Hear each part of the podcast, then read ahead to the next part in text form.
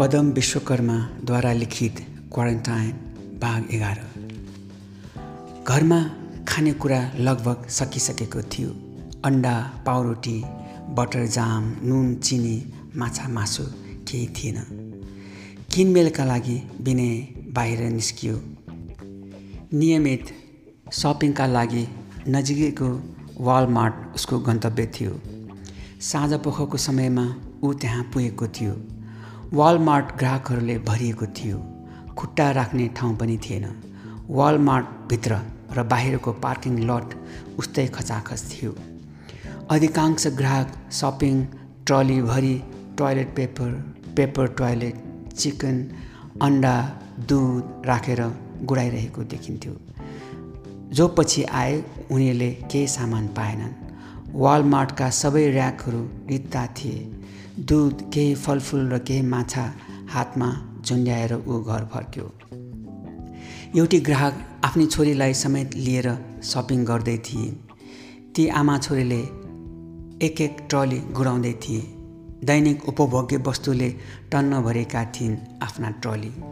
यत्तिकैमा अर्की एक ग्राहक पनि अत्यावश्यक सामग्री सामग्री किन्न वालमार्ट छिरिन् तर सेल्फमा सामान थिएन।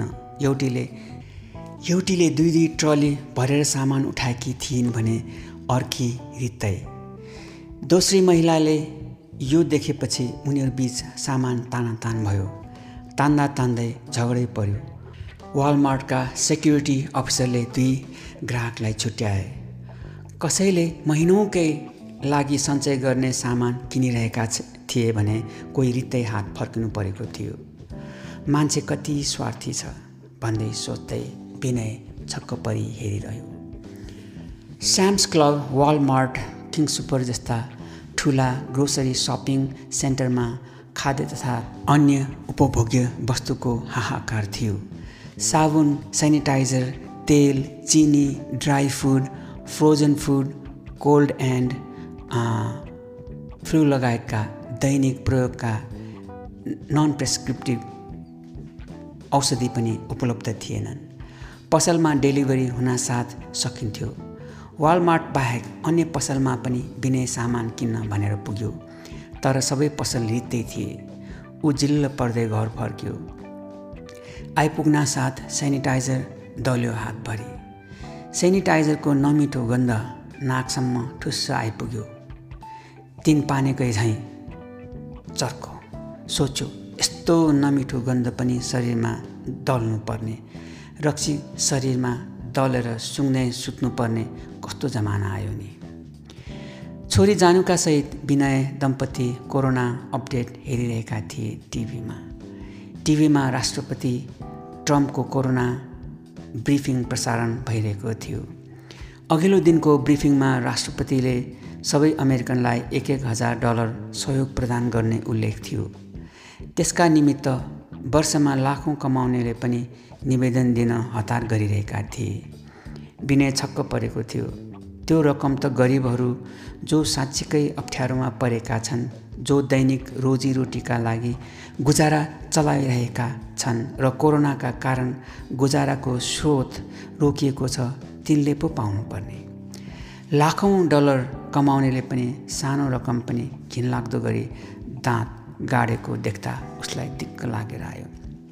एउटा सामान्य मास्क र सेनिटाइजरलाई पाँच दस डलरसम्म बेचिएको थियो। यही मौका छोपेर कालो बजारी गर्नेहरू पनि थिए। त्यो पनि बजारमा हाहाकार थियो। किन यति स्वार्थी छ यो समाज? व्यक्तिगत स्वार्थ लोभ लालच र फाइदाभन्दा माथि उठेर हामी किन सोच्न सक्दैनौँ? टिभीमा देखाएको समाचारले विनयलाई साँच्चीकै अचम्म लाग्यो। अमेरिका जस्तो सभ्य र विकसित मुलुकमा पनि यति नमिठा घटना देख्नु सुन्नु पर्ला मान्छेको सभ्यता संस्कार संस्कृति र प्रविधिको धरातल कहाँ रहेछ भनेर उसले अनुमानै लगाउन सकेन। जतासुकै स्वार्थ लोभ लालचले नै यो संसार घेरी जस्तो देखिन्थ्यो।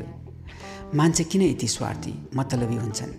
आखिर उनीहरू पनि मेरा बा आमा जस्तै रित्तै जाने त हुन् नि। जसरी रित्तै जन्मन्छन्। मेरा बाको पनि थुप्रै सम्पत्ति थियो नेपालमा। थुप्रै जग्गा जमिन थियो सुन्दर र ठुलो घर थियो। तर मृत्यु भएपछि उनीहरूको साथमा न घर गयो न जग्गा जमिन। आमाका पनि सुनका थुप्रै गहना थिए। पैसा थियो। यी सबै छाडेर जानुभयो। आखिर मरेपछि केही लैजान मिल्दो रहेनछ त। आफै पनि बरोबर आयो ऊ। आमा बितिन अर्को दिन बा। विनयका सहाराका सङ्ग्ला हातगोडा भाँचिए झैँ भए। यस बिचमा कोही भेट्न आएनन्। ऊ सधैँ समाज र समुदायको उन्नति र प्रगतिमा समर्पित भइरहे।